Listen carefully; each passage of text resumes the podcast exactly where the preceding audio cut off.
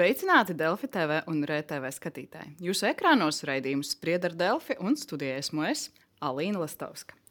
Represīvie pasākumi ēnu ekonomikas mazināšanai devuši efektu mazāku nekā gaidījām. Tā uzskata jaunā valsts ieņēmuma dienesta ģenerāla direktore Baiva Šmita Roķa. Kas tad jādara, lai cīnītos ar ēnu ekonomiku? Kā padarīt valsts ieņēmumu dienestu klientiem draudzīgāku, kā arī par citiem jautājumiem šodien arī iztaujāšu valsts ieņēmumu dienesta vadītāju Baivu Šmita Roķa. Sveicināti! Sveicināti! Un kopā ar mani jautājumus uzdos mans kolēģis Raivis Vilons, Delfi biznesa redaktors. Sveiks! Sveiki! Un skatītājiem atgādināšu par iespēju iesaistīties šajā sarunā. Jautājumus varat uzdot vietnē slaido.com un slīpsvītra saīsinājums no valsts ieņēmumu dienesta VIT. Tad uzdodiet savus jautājumus, mēģināsim arī ētrā rast atbildes uz tiem. Bet vispirms tāds, nu, teiksim tā, iesildošs jautājums. Jums ir plaša, gara pieredze darbā valsts ieņēmuma dienestā, un tomēr pagāja divas nedēļas, kopš esat oficiāli apstiprināti par valsts ieņēmuma dienesta vadītāju, sākat pildīt šos pienākumus. Nu, vai tas, ko jūs gaidījāt, vai varbūt sanāca pat nedaudz nožēlot šo savu izvēli?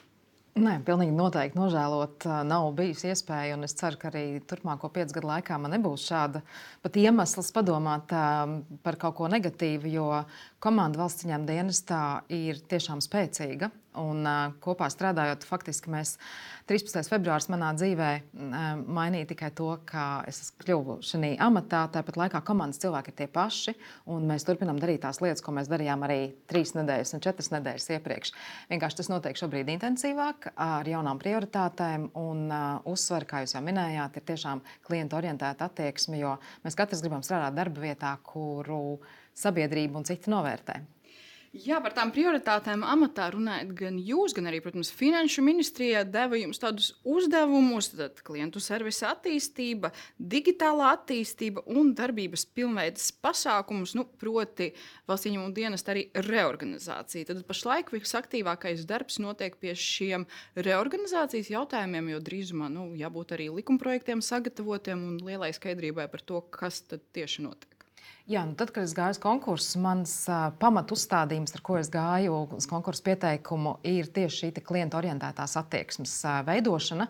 Jo mēs uh, līdz šim valsts ciņām dienestā esam domājuši vairāk par mūsu galveno uzdevumu nodokļu administrēšanu un muitas administrēšanu. Tāpat laikā tas klients tika nolikts otrā plānā. Tad šobrīd mēs to fokusu virzam no otras puses.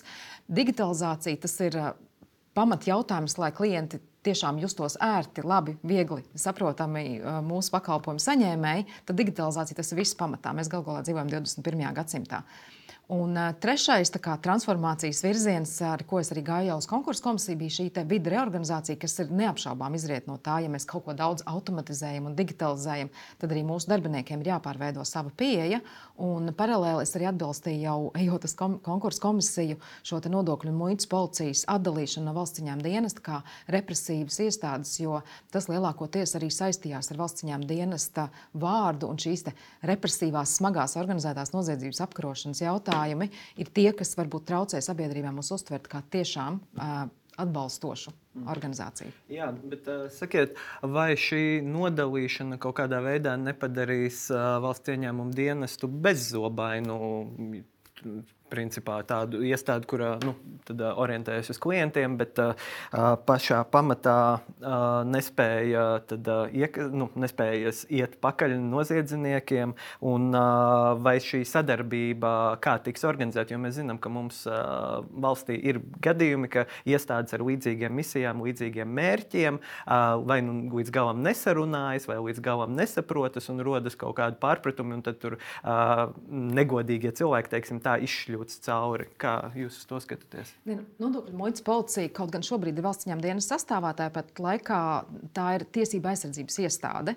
Un, uh, es arī esmu paudusi jau, ka man, kā iestādes vadītāja, pat šobrīd nav tiesība iejaukties vai pat jautāt un interesēties par kādiem konkrētiem krimināla procesiem. Līdz ar to nodokļu muitas policijas izdalīšana no valsts ciņām dienesta nemazinās šīs te, uh, iestādes spējas atklāt organizēto noziedzību. Un arī jau šobrīd tā mūsu sadarbība ir kā, kā divām dažādām iestādēm, jo tur uh, regulē krimināla procesa likums, mums ir uh, administratīvie un cit, citas procedūras. Tā kā sadarbība, es domāju, ka turpināsies ļoti pozitīvi, jo mēs esam strādājuši kopā roku rokā ikdienā, un arī turpmāk tā sadarbība pilnīgi noteikti paliks tādā tikpat augstā līmenī. Mēs arī paliksim vienā ēkā galu galā, un šie cilvēki ir gadiem, ja tu strādājas kopā, tad nevar mazināties šī sadarbība kā tāda. Attiecībā uz iekšējās drošības pārvaldes funkciju nodalīšanu, tas varbūt ir tas, kur dažkārt es sadzirdu šo skepsi, vai tiešām izņemot ārā iekšējās kontrolas jautājumus, vai nemazināsies nu, tie iekšējās kontrolas process, lai nerastos riski, korupcijas riska veicināšanai. Bet, uh, Ar Straumas kungu mēs uh, tuvākā laikā tiksimies. Un, uh, tas jautājums, ka viņi pārņem uz knabu tikai operatīvu un izmeklēšanas darbību, bet tā iekšējās drošības pārvaldes struktūra vienība, kas nodarbojas tieši ar iekšējo kontroli, lai nu, teiksim, kontrolētu vai monitorētu tos riskus, attiecās uz mūsu darbinieku korupcijas iespējamiem riskiem, tie paliks mūsu iestādes sastāvā. Un, uh, Es jau šobrīd uh, modelēju, kā, kā šī iestāde netiks iepludināta jebkurā citā struktūra vienībā, bet viņa būs tiešām manā padotībā. Es uzskatu to par ļoti spēcīgu instrumentu un uh, nu, mēģināsim noturēt arī tos spēcīgos analītiķus, kas uh, spēs kontrolēt mūsu pašu darbiniekus. Jūs minējāt tos ieguvumus, ka vidvars nu, neizskatīsies kā represīva iestāde, arī citus, bet nu, jūs pieminējat par iekšējās drošības pārvaldes, piemēram, kaut kādu skepsi. Jūs pati saskatāt kaut kādus riskus līdz ar šo reorganizāciju vai tie visi nu, tiek novērsti? Šobrīd mums ir vesels saraksts ar teiktu, izaicinājumiem, nevis riskiem, kas ir jāņem vērā pie šāda veida atdalīšanās. Un, nu, ļoti liels uzsvars ir uz informāciju. Nu, bez informācijas mēs neviens neko nevaram izdarīt, un tīpaši iekšējā drošībā un arī nodokļu muitas policijā dati kas ir šobrīd valsts ciņām dienesta, datu bāzu sastāvā, ir tas nu, lab, spēcīgs instruments, lai vispār varētu strādāt. Un tad šis arī ir viens no spēcīgākajiem izaicinājumiem tieši par datu bāzu piekļuvi vien, vienai un otrai iestādēji. Visi pārējie riski šobrīd tiek monitorēti. Jā, izaicinājums liels līdz 1. jūnijam izstrādāt normatīvu aktu grozījumus, bet projekti jau šobrīd ir tapuši. Bet šeit no, gan ar Finanšu ministriju, gan ar Nodokļu muitas policijas vadību, gan ar KNAB mēs strādājam pie tā, lai tas uh, normatīvais regulējums būtu tikpat spēcīgs, ja ne spēcīgāks. Un visi riski, kas iespējami jau tagad identificēt, un mēs visi zinām iekšienē, kas, kas varbūt ir tie riskantākie momenti. Mēs pie tā strādājam, un, un es ceru, ka līdz jūnijam mēs tos visus būsim novērsuši, izstrādājot šos grozījumus. Un tad visi tie plāni, protams, jūs pieminējat 1. jūniju, kad jāiesniedz valdībā grozījumi likumā par valsts ieņēmumu dienestu. Nu, šie visi jautājumi tiks uh, sagatavoti. Jums nav bažu, ka reorganizācija varētu iekavēties teiksim, tā, mērķi ir ļoti ambiciozi. Tas tiešām ir īsts termiņš. Viena lieta ir izgrozīt likumu par uh, valsts ciņām dienestu, bet ir otrs, ka ir jāizveido pilnīgi jauns likums nodokļu muitas policijas izstrādē. Bet, kā jau teicu, projekti jau ir gatavi. Un, uh, Darba grupa notiek burtiski katru nedēļu, un plus vēl katrā institūcijā tās nedēļas laikā tiek ļoti daudz uh, paveikts. Izaicinājumi ir milzīgi, bet es pilnīgi ticu, ka mūsu komanda uh, un kopā ar Finanšu ministrijas komandu to paveiks. Nu, tā tad no, gan no politiskās puses, gan arī no iesaistītajām pārējām organizācijām ir principā atbalsts. Un visi ir nu, tādi, kā teikt, uz vienas lapas, ka šis ir jāpaveic, un tad tiek saruna ir par detaļām, ja es pareizi saprotu. Tieši tā, valdība ir devusi akceptu pēc informatīvā ziņojuma iesniegšanas. Arī runājot saimnes frakcijās, kuras es apmeklēju pirms apstiprināšanas ministru kabinetā, es biju piecās frakcijās, tātad ne tikai koalīcijas, bet arī citās. No visiem visiem es sadzirdēju to vienprātību, ka tiešām šāda veida reorganizācija ir nepieciešama. Un šobrīd mēs runājam tikai par detaļām, nevis tikai sīkām detaļām, bet par lieliem izaicinājumiem. Tie, nu, man pārliecība tiešām, ka mums ir augsts raudu speciālisti un profesionāļi, kas to visu sakārtos. Ir tīpaši, ja mēs zinām, jo mū, šobrīd ir mūsu interesēs vairāk novērst tās iespējamās nepilnības vai uh, tekst, aizdarīt tās spraugas, kas varētu rasties, sadalot šīs iestādes. Mēs paši esam ieinteresēti, lai to visu sakārtot jau saulēcīgi. Runājot par šo klientu servisu, ko jūs pieminat, uh, mani kolēģi no Delfi biznesa arī intervēja Ievu Jaunzemi, kad viņa noslēdza savu, savu darbu valsts ieņēmuma dienesta vadītājas amatā. Viņa teikusi, ka godprātīgajiem nodokļu maksātājiem parasti nav problēma ar valsts ieņēmuma dienestu. Tie, kas ļoti paģēra konsultēšanu vispirms un pretīm nākšanu, ir tieši tie uzņēmumi, kuriem jau ir pārkāpumi, taču tie publiskajā retorikā tiek noklusēti. Vai jūs piekritat šādam viedoklim? Um, nu, savā ziņā es arī uh, regulāri sekoju līdzi uh, biežāk uh, iesniegtajām sūdzībām, problēmām un jautājumiem. Un tad parasti arī ir, mēs saņēmām no vida atbildi nekādu. Un tad, kad es iedziļinos, ko nozīmē nekāda atbilde no valsts ciņām dienesta, tas parasti ir tas, ka uzņēmums nepiekrīt valsts ciņām dienesta sagatavotajam viedoklim.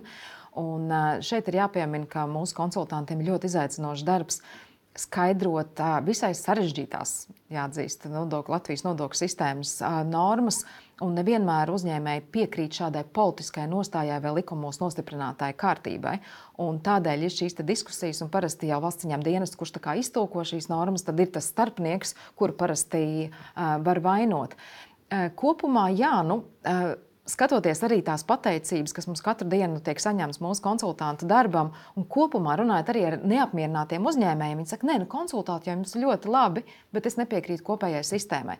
Bet tas sabiedrības priekšstats par uh, valsts ziņām dienestu radās tieši no šādiem skaļākiem gadījumiem vai neapmierinātiem uzņēmējiem, kuri parasti ir tiešām tādi, kur ir izdarījuši kādu pārkāpumu Un tad radās tas sabiedrības no tā, viedoklis. Ko jūs sakat, tad izklausās, ka konsultanti ir labi, darbojas ar tiem, kuri godprātīgi maksā nodokļus. Viss ir kārtībā šajā darbā. Nu, tad, ko jūs vēl varat darīt, lai būtu cilvēkiem draudīgi? Vai tad, tad problēma, nu, es pārformulēšu, vai tad problēma ir valsts ieņēmuma dienestā, jūsuprāt?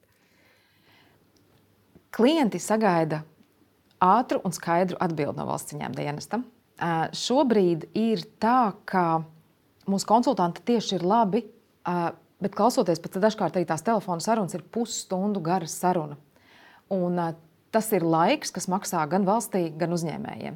Mēs runājam par to, ka valsts dienestā ir ārkārtīgi daudz informācijas un par visiem nodokļiem. Visu var atrast, bet tās informācijas ir ļoti daudz, un viņa nav tā strukturēta, lai vienkārši varētu atrast šo informāciju. Es, es parasti piesaucu šo piemēru, ja kāds pārdod savu nekustamo īpašumu, kā viņš var iedomāties meklēt sadaļā kapitāla pieauguma nodoklis. Līdz ar to mums ir jāpārveido šis informācijas pasniegšanas veids caur dzīves situācijām, nevis caur nodokļiem. Tātad mēs visu laiku skatāmies par nodokļu administrēšanas prizmu, bet mums jāstāsta, ko klientam īsti vajag. Mēs vienmēr esam ilgus gadus domājuši, ka mēs zinām, ko tas klients no mums sagaida. Bet, ja klients kopumā nav apmierināts, tad kaut kur problēma ir mūsos. Un tad šīs konsultāciju darbs, pasniegšana soli pa solim, kas man kurā brīdī ir jādara, šie digitālie pakalpojumi, lai nevis jāizpild elektroniskās deklarēšanas sistēmā gada ienākuma deklarācija, četras, piecas sadaļas.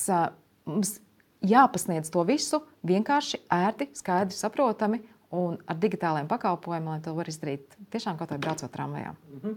Es par tām konsultācijām vēl gribēju pavaicāt, jo dažkārt pa laikam gan sociālais tīklos, gan arī pēc manas personīgās pieredzes, uh, kā privātpersonai, gan kā uzņēmējiem, izskan, un esmu arī pieredzējis, ka dažādas vidas darbinieki mēdz nedaudz citādāk izskaidrot kaut kādas detaļas. Vai arī es tās, piemēram, vai arī cilvēki, kas sociālajos tīklos runā, mēdz uztvert viņas citādāk. Tad te ir Varbūt kaut kāds jautājums par to, kaut kādu vienotāku sistēmu, kaut kādus algoritmus, kā mēs, piemēram, zinām, banku klientu servisā ir ļoti specifiskas lietas, ko viņi iemācās, kā atbildēt, kā skaidrot lietas. Vai varbūt tur ir kaut kādi uzlabojumi nepieciešami tīri tajā, kā šīs lietas tiek skaidrotas. Jā, pagājušajā gadā, sākot vadīt nodokļu pārvaldi, kas tieši nodarbojas ar klientu konsultēšanu, mēs saskārāmies ar tiem jautājumiem, ka viens cilvēks var trīs, četras un pat piecas reizes uzdot vienu to pašu jautājumu. Te ir jautājums viens.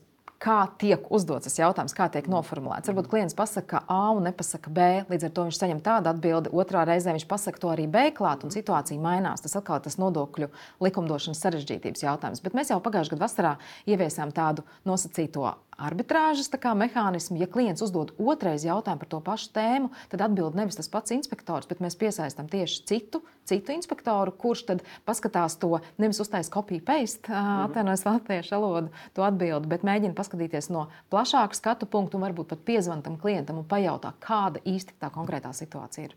Tas noteikti ir jāstrādā. Jā. Vēl viens jautājums, jūs pieminējāt ļoti sarežģītu nodokļu likumdošanu. Tiešām, ja mēs paskatāmies vairāku nodokļu likumus, varam paņemt gandrīz vai jebkuru pārējais noteikumi, labojumi, dažādas uh, citas izmaiņas, nu, kas cilvēkam salīdzinoši pat nu, diezgan ļoti grūti lasīt. Ko jūs teiktu, deputāti, deputāti politiķi, koalīcija strādā pie diskusijām par kaut kādām nodokļu izmaiņām, nu, par ko viņiem būtu jāpiedomā? Pilnīgi noteikti jāpiedomā par administrēšanas vienkāršošanu, jo nodokļu likumi lielākoties Latvijā ir vadoties no Eiropas Savienības direktīvām. Arī tas pats PVN likums, nu, mēs nevaram taisīt atkāpes, jo vadlīnijas ir vienotas. Tāpat laikā mēs varam sakārtot, lai administrēšana būtu vienkārša. Piemēram, mēs šobrīd nodokļu pilnveidas darba grupā strādājam pie darba spēka nodokļiem. Tur ir koalīcijas partneri, tur ir lielās uzņēmēju organizācijas. Man prieks, ka pilnīgi no visām pusēm skan vienots, vienota pieeja, vienkāršāka administrēšana. Un, ja mēs, piemēram, iedzīvotāju ienākumu nodokli atteiksimies no diferencētā neapliekamā minimuma, kas ir ļoti dažāds un ārkārtīgi sarežģīts iedzīvotāju ienākumu nodokļu vispār izpratni par to, tas jau būs milzīgs solis virzienā, ka nodokļu administrēšana būs vienkāršāka, un arī varbūt maziem uzņēmējiem pat nevajadzēs grāmatvedī, ja būs viena skaidra likme, kāda, cik tev ir jāmaksā iedzīvotāju ienākumu nodoklis. Tas atvieglos mūsu darbu, skaidrojot Un tas uzņēmējiem samazinās laiku, patērējot, saprotot šīs normas un arī izpildot tās saistības, aizpildot nodokļu deklarācijas. Tad diskusija par nu, samazināt diferencētu IN atcelšanu, jūsuprāt, nu, vajadzētu atteikties no šīs normas? Um, Nodokļu pilnveids darba grupā ir trīs scenāriji. Divos no tiem ir atteikšanās no diferencētā neapliekuma. Ir jautājums tikai par periodu. Šeit ir diskusijas vēl starp uzņēmēju organizācijām un arotbiedrībām un politiķiem. Gala lēmums tiks pieņemts līdz atkal jūnijam, kad Finanšu ministrijas šī darba grupas organizatoram ir jāiesniedz ziņojums valdībā. Bet, piemēram, arī par likumu, likumu vienkāršošanu man ir patiesi prieks, ka arī Finanšu ministrija šobrīd runājot par valsts ciņām dienas reorganizāciju runā par to, ka arī vidu likumam par vidi ir jābūt ārkārtīgi vienkāršam. Uz dažām lapām ar vienkāršiem deleģējumiem, kādas tad ir tiesības un pienākumi, nevis uh, atreferētas normas, kas varbūt uh, jābūt ir iestādes iekšējos uh, reglamentos. Ja mēs runājam arī par klientu servisu, to, protams, ietekmē jūsu darbinieki. Kā, kāda ir situācija ar vakancēm? Cik ir neaizpildītu darba vietu? Nu, Štata sarakstā ir apmēram 3800 darbinieku, un faktiski nodarbināti ir nedaudz virs 3400 darbinieku. Tā kā tuvu, tuvu 400 vakances ir valsts ciņām dienestā šobrīd. Ir struktūra vienības, kur šie cilvēki ir ārkārtīgi nepieciešami, jo viņi ir pārslogoti un netiek veikti pienākumi atbilstošā ātrumā, kā to sagaida mūsu klients. Tāpat laikā Nu, es negribētu aizrauties uz to, ka vienkārši mēs likvidējam šīs vakances, lai samazinātu mērķiecīgi valsts ziņām dienestā nodarbināto skaitu. Mēs ejam citu ceļu. Tas ir nedaudz garāks, bet tas ir nepieciešams, lai tiešām šīs izmaiņas būtu objektīvas. Tas ir, mēs paskatāmies katru procesu, cik tas ir resursu ietilpīgs. Tātad mēs vērtējam, tiksim, pēc būtības mēs novērtējam efektivitāti tik, cik mēs patērējam cilvēku ieguldījumu, vai tas atmaksājās tam gala rezultātam, ko mēs saņemam no šī pakalpojuma.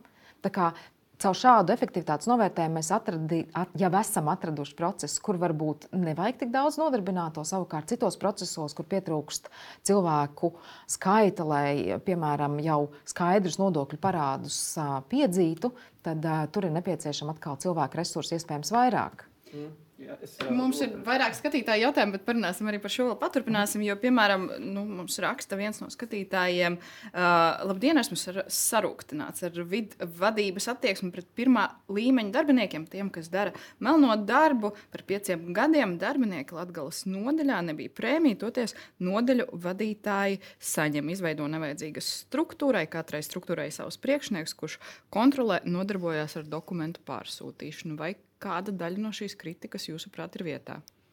Nu, attiecībā uz uh, piemaksu sadalīšanu mums ir tāda politika valsts ciņām dienestā, un es nedomāju, ka tā ir nepareiza vai būtu maināma, bet pēc šādiem ziņojumiem es noteikti pārskatīšu šo pieeju, ka uh, tiek sadalīts vienlīdzīgi atbilstoši nodarbināto skaitam, teiksim, muitas pārvaldē, nodokļu pārvaldē atbalstoši darbinieku skaitam. Un tad vadītāji ir tie, kas kaskadē uz leju un piešķir šīs piemaksas tiem cilvēkiem, kuri konkrētā periodā, un parasti tas ir ceturksnis, ir izdarījuši vairāk vai plāno darīt vairāk vai ir kaut kādi projekti. Šie darbinieki, kas ir rakstījuši šo jautājumu, es domāju, ka es aicinātu uzrakstīt sev uz e-pastu, kas tad konkrēti par struktūru vienību un kāpēc viņi domā, ka viņiem pienākās šīs piemaksas. Bet es arī varu pateikt, ka jau aprīlī braucu uz Latviju uz divām dienām, apbraukāšu visus gan muitas kontrols punktus, gan tikšos ar darbiniekiem. Vēl no Mārtiņa ir jautājums, ka viņš nu, viedoklis arī viņš saka, ka valsts ieņēmuma dienas tā pašlaik ir ierēģņu armija. Igaunijā to pašu darbu labāk paveic būtiski mazāk darbinieku, norādiet darbinieku skaitu, par kādu vidu štats tiks samazināts. Nu, par Igauniju runājot, jā, Igaunijas nodokļu muitas administrācijā ir 1200 cilvēku, kas izskatās, kāpēc valsts ieņēmuma dienestā ir 3400. Tāpat laikā es ar skaudību skatos uz Igauniju, dēļ tā, ka nodokļu muitas administrācija nodarbojas tikai ar šām, šīm funkcijām - nodokļu un muitas administrēšanu. Viņiem nav uh, piesaistīts nezinu, sankciju ap, uh, nu, vērtēšana, nelegāli iegūt līdzekļu novēršanas pārvalde. Viņiem nav uh, valsts amatpersonu deklarāciju uzraudzība, viņiem nav valstī piekritīgās mantas, un es tā varētu turpināt vēl kādas dažas minūtes.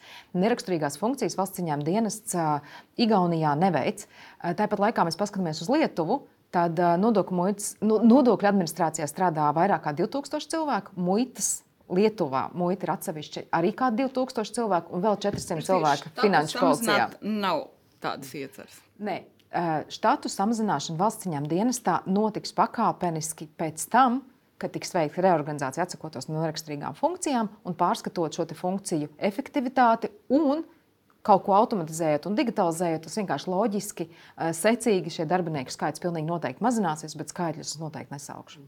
Bet, uh, tad uh, varbūt atcaucoties šī Igaunijas piemēra, ir jārunā vēl par tālāku sadalīšanu. Ja mēs jau tagad no vidas tiek noņemtas dažas funkcijas, varbūt ilgtermiņā ir jārunā par to, ka mūsu vids kļūst līdzīgāks un, kā jūs sakat, nodarbojas tikai ar konkrētām dažām lietām, un pārējais tad aiziet vai nu uz citām iestādēm, vai kaut kā tiek reorganizēts tālāk. Pilnīgi precīzi. Un manā darba plānā šim gadam ir līdz gada beigām tieši novērtēt tās funkcijas, kuras tiešām mēs varam atteikties.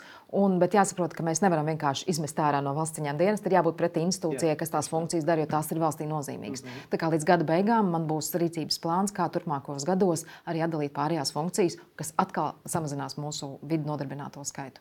Tad, tad līdz gada beigām mums jā, jāgaida vēl ziņas par tādām izmaiņām. Bet, ja mēs runājam par ēnu ekonomiku, tad varam domāju, pievērsties. Jūs teicāt, ka represīvie pasākumi mazinājuši mazāk kā gaidījām. Varbūt jāpamēģina no otras puses. Nu, kas tas būtu pārliecināšanas darbs, ka maksāt nodokļus ir labi? Es um, gribu pateikt, ka līdz šim paveiktais ēnu ekonomikas mazināšanā. Uh, skait, teiksim, procentuāli izskatās ļoti maz, tur viens procents un tā tālāk. Ja mēs paskatāmies, tad tie ir simtiem miljonu eiro, kas ir panākti un iekasēti papildus budžetā no ēnu ekonomikas. Tā kā darbs ir veicies labi. Bet šis sabiedrības gaidas ir, protams, daudz lielākas. Mums uh, sauka pētījums, sauks un putniņa pētījums rāda, ka nu, Latvijā ir vislielākā ēna ekonomikas daļa starp Baltijas valstīm, un tas ir satraucošs rādītājs. Līdz ar to ir jāizmēģina citas metodas. Ja visu laiku strādājat ar vienām tām pašām, kaut kas nestrādā, jāpamēģina kaut kas cits. Nevis tas, ka mēs runāsim ar uzņēmējiem. Nē, gluži otrādi, nevis gluži otrādi, bet un uh, piedāvājot ātrāk, ērtāk, vieglāk izpildīt tās saistības, mēs parādīsim, ka tas ir labvēlīgāk pašiem uzņēmējiem. Viņi varēs mierīgi gulēt, un uh, mazajam biznesam atvieglot kaut kādas prasības, kas viņiem jāpild pret valsti, viņiem būs vieglāk izpildīt šīs prasības, nevis slēpties ēnās. Nu, tas ir laikam jautājums par tiem cilvēkiem, kuriem tiešām ir sarežģīti aizpildīt. Uh, nevis tādiem nu, tā, cilvēkiem, kuri apzināti mēģina izveidot kaut kādas apiešanas schēmas. Nu, tur šī pieeja laikam tomēr nestrādās. Nē, tieši tā kuri apzināti veids krāpnieciskās darbības un domā schēmas, kā izkrāt PVN, kā maksāt aploksņa augstus. Tur šīs metodas, protams, saglabāsies tās stingrākās, un arī esošajā ēna ekonomikas apkarošanas plānā, kas šobrīd nesen tika apstiprināts valdībā, tur ir ļoti daudz virkni pasākumu, kas palīdzēs atvainojos, mums dos instrumentu, kā mēs varētu strādāt tieši ar šiem krāpniekiem. Tur ir skaidrs naudas uh, caurspīdīgums, uh, kontrole, kā mēs to varēsim redzēt, un mēs varēsim mērķiecīgāk iziet analīzes darba rezultātā, protams, uz tiem aploksņa augu nemaksātājiem, kas šobrīd tiešām to dara ļoti nekaunīgi un tādējādi arī uh, samazina godīgus konkurences apstākļus. Mhm. Iepriekš ir izskanējis, nu, ka principā valsts ieņēmuma dienests diezgan skaidri var redzēt, kuri tad ir nu, šie lielākie nodokļu nemaksātāji. Nu, tur nav runa par varbūt vienu frizieri vai cilvēku, kas tur dažus simtus aploksņu algā saņem vai kaut kā, bet šos lielos var konstatēt, bet ka ir bijusi problēma pierādīt šos pārkāpumus un tā tālāk. Ko tur var darīt, ko var uzlabot un vai tur ir varbūt. Uh, var saulaicīgāk sākt sūtīt šos draudzīgos atgādinājumus tieši uz tiem, ko jūs nu, jau nojaušat, ka kaut kas nav kārtībā un piedāvāt kaut kādu varbūt ērtāku mehānismu, neapvainojot, bet, piemēram, norādot, ka nu, mēs varam palīdzēt nomaksāt nodokļus vai kaut kā tāda. Valsts dienas jau šobrīd sūta vēstules uzņēmumiem, un mēs redzam, cik ir vidēja alga nozarē mm. un konkrētā reģionā. Un, uh, mēs sūtām vēstules un sakām, nu, ja vidēji nozarē ir teiksim, 1200 eiro alga un tev ir 400 eiro alga, tātad tev ir problēmas. Mēs to redzam. Un, uh, liela daļa uzņēmumu uzreiz reaģē un saprot, un, un, un, un dažu mēnešu laikā palielina šo atalgojumu līmeni. Bet attiecībā uz to pierādīšanu, nu, tā, tas, tas ir izaicinoši. Ja mēs, uh, skatāmies uz aploksņa algu piemēru, tad, ja uzņēmums izmaksā, mēs zinām pat nu, pēc visiem datiem parāda, ka uzņēmums maksā aploksņa algas, tāpat laikā paši darbinieki noliedz, ka viņi saņem šīs aploksņa algas. Valsts ņēmuma dienestam nav e, juridisko instrumentu, lai pierādītu, ka šāds darījums ir bijis. Piemēram, attiecībā uz PBN mums kopējais Eiropas regulējums paredz, ka mēs zinām, ka uzņēmumam bija iespēja zināt, ka ir notikusi krāpniecība. Tur mēs varam piestādīt šos nodokļu rēķinus. Aploksņa algas gadījumā, ja uzņēmums noliedz un saņē, darba algas saņēmējs noliedz un pasakā, es varu mierīgi izdzīvot 200 eiro mēnesī, man viss ir kārtībā, jo es lasu sēnes un makšķerēju zivis, tad valsts ņēmuma dienestam nav šis juridiskais instruments. Bet tas, ko mēs noteikti darīsim, mēs iesim uz saimu un es mēģināšu pārliecināt tā, saimnes deputātus. Iepriekšējā reizē tas mums neizdevās, kad arī šeit vajag to instrumentu, ka mēs arī pēc šāda veida indikācijas indikatīviem rādītājiem, kas skaidri parāda, ka uzņēmums ar tādu un tādu apgrozījumu maksā saviem darbiniekiem 200-300 eiro atalgojumu, ka tas nav vienkārši. Loģiski, ja turpat blakus tieši tādā pašā nozarē strādājuši uzņēmums maksā algu 1000 eiro. Respektīvi, jūs rosināt, rosināsiet, lai arī šādos gadījumos varētu vērsties pret šādiem darba devējiem. Arī pat, ja darbinieki noliedz. Tieši tā. Kāds tas process varētu izskatīties pāris vārdos? Jo, teiksim, pieņemsim, var jau būt, ka var gadīties kaut kāda ļoti dīvaina tirgus situācija, nu, kur uzņēmumam tiešām ir kaut kāds pamatojums un darbinieki tiešām saņem mazāk, bet viņi kaut kāda iemesla dēļ tur paliek. Protams, kāds tas varētu būt uh, sistēma, lai atkal nebūtu šī, ko mēs redzējām sākumā runājam, šī negācijas, ka uh, iespējamais pārkāpējs saņem, vai pat nevainīgs uzņēmums saņem šos pārmetumus, un tad sociālais tīklos izskan liela vētra, liela pārmetuma, ir liela satraukumi. Nu, es sākšu ar to, ka uzņēmēju organizācijas pašas aicina valsts ieņēmuma dienestu veikt šādas darbības. Mēs papildus nodokļus varam uzrēķināt divos gadījumos. Tas ir, ja ir nodokļu kontrols pasākums, kuru mm. rezultātā ir izrakstīta nodokļu rēķina vai audits. Un, likuma normas ir paredzētas ierobežot mums tās tālākās ties, tiesības. Līdz ar to nodokļos un nodevās šie grozījumi noteikti būs. Man tiešām prieks, ka uzņēmēja organizācijas ne tikai atbalsta, bet pat aicina un virz, virzās uz to. Un arī no politiķiem es esmu sadzirdējis, ka šis instruments ir vairāk godīgs konkurences veicināšanai, un tie negodprātīgi uzņēmēji nu, mums ir pietiekami fakti Bet šobrīd tas juridiskais ietvars neļāva mums to pierādīt un piestādīt šo nodokļu rēķinu. Nedaudz par šo pašu, ko jūs minējāt, aploksņu algas parādīsim arī, ko ir teikusi mūsu tieslietu ministrija Ines Lībiņa Egnara. Viņa vērš uzmanību par milzīgo parādu valstī, uztur līdzekļu nemaksātāju. Viņa saka, ka mēs to nevaram tolerēt ar valsts ieņēmumu dienestu strādājumu, lai noskaidrotu, kuri darba devēji nodrošina vecākiem iespēju nemaksāt par savu bērnu uzturēšanu, oficiāli nodrošinot tikai minimālo algu. Kāds izskatīsies, būs kaut kādas saraksti, ko jūs iedosiet Tieslietu ministrijai? Nu, es domāju, ka tas ir ne tikai Tieslietu ministrijas sadarbībā, tas ir noteikti arī Labklājības ministrija. Te ir tāds plašāks stāsts. Mēs jau esam uh, sākuši sarunas ar PLMP par vispār iedzīvotāju skaita tā tādu uh, kopā datu salikšanu. Cik mums Latvijā ir iedzīvotāju skaits, cik mums ir uh, uzturēšanās atļaujas, cik ir darba atļaujas izsniegtas uh, Latvijā caur Latvijā ārvalstniekiem, un mēs liksim mūsu nodokļu maksātāju skaitu pretī. Izanalizēt, uztaisot tādu inventarizāciju, bet mēs jau zinām šos te, um, uzturlīdzekļu nemaksātājus. Tāpat laikā liela daļa no viņiem vispār nestrādā nekur. Tad tas ir tīrais simtprocentīgais aploksņa auga gadījums, bet paši uzņēmēji arī saka, ka viņiem trūks darba spēka, bet pie viņiem atnāk cilvēks un saka, es tikai minimālo algu, es vairāk negribu, bet pārējie lūdzu aploksnē. Un uzņēmēji paši arī aicina un lūdz mums palīdzību. Es domāju, ka Tieslietu ministrē ļoti labi aktualizē šo jautājumu, ka tas nav tikai valsts ciņām dienesta jautājums, tas nav tikai Tieslietu ministrijas jautājums, bet te ir jānāk kopā un jāstrādā. Mums šī informācija ir, bet līdz šim varbūt nelīdz galam ir nolemts. Mēs visi zinām šo problēmu, bet nelīdz galam atrisināta. Tā kā nāksim kopā. Tagad un... tur līdzekļu nemaksātājiem būs grūtāk teiksim, tā, slēpt savus īstos ienākumus, jūs teiksiet? Es ļoti ceru, un ēna ekonomikas apkarošanas plānā ir vairāk pasākumu, kas palīdzēs mums to izdarīt. Vēl runājot par tādu ēnu ekonomiku, bija ideja mm, par vispārēju deklarēšanos, kur būtu jāatskaitās par piemēram 100 eiro katram iegūtiem. Sacēla arī ļoti lielu vētru sociālajos mēdījos šī ideja. Vēlāk no tās koalīcija atkāpās, vai šīs arī būtu risinājums? Koalīcija kopumā atkāpās no konkrētā budžeta paketē virzīt šo likumprojektu, bet uh, tas noteikti stāv uz darba galda. Uh, tas netiek noņemts, jo tā pamatīdeja ir tieši tas, ko mēs pirms brīža runājām par uzturlīdzekļu nemaksātājiem. Piemēram, šie cilvēki nekad nav snieguši gada ienākuma deklarācijas, jo tā šobrīd ir brīvprātīgais uh, formāts. Bet, ja mēs uh, runājam par darbspējīgo vecumu cilvēkiem, uzliekot viņiem obligātu pienākumu iesniegt šo deklarāciju, mēs redzētu, ka katrs cilvēks apliecina to savu ienākumu līmeni, ko viņš saņem legāli. Un pretī noliekot, piemēram, citu ēnu ekonomikas apkarošanas plānu punktu, ka mēs no bankām saņemam informāciju par iemaksām bankomātos, ja mēs saliekam šos divus sarakstus kopā, mēs jau redzam, cilvēks nekur nestrādā, vispār viņam nav nekāda ienākuma, bet viņš katru mēnesi bankomātā iemaksā, nezinu, piemēram, 1000 eiro, tad mums loģiski būs pamats vērsties pie šā cilvēka ar to jautājumu, no kurienes tad tev šī nauda.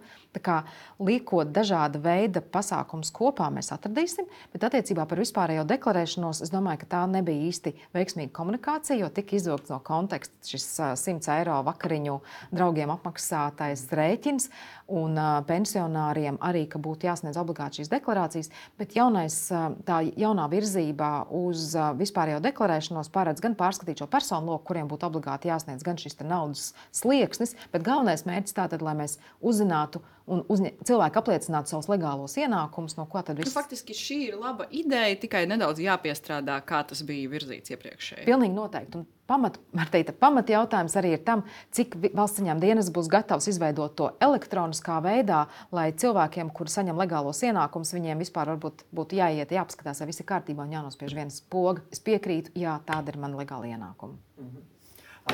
Tuvojoties beigām, es gribētu pajautāt par vienu lietu, kas daudzus cilvēkus arī ir apbēdinājis. Ir lietotnes nestrādāšana Android attiecīgi šo attaisnoto ieņēmumu. Jo es pats viņu ļoti labprāt izmantoju katru reizi, kad apmeklēju ārstu vai bija kāds cits, ko es varu noskanēt uzreiz čeks, vai, jo mēs zinām, čeki mēdz pazust vai nobružāties un tā tālāk burvīgi strādāja. Es saprotu, ka viena no jūsu darba mērķiem arī ir ne tikai tādā formā, kā bija iepriekš, un tāda ļoti vienkārša tā lietotne, bet viņu papildināt.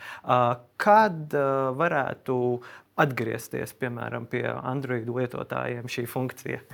Nē, sāksim ar to, ka iesniegt čekus.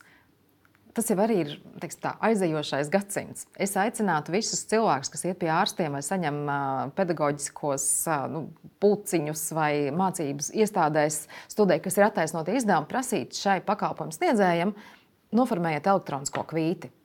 Uh, šī elektroniskā kvīts automātiski aiziet uz valsts ciņām dienestu, un jums pat vispār nebūtu jāņem ne čeks, vispār nekas jādara. Atverot gada ienākumu deklarāciju, šī informācija jau tur būtu. Tas ir punkts viens, tas jau šobrīd strādā.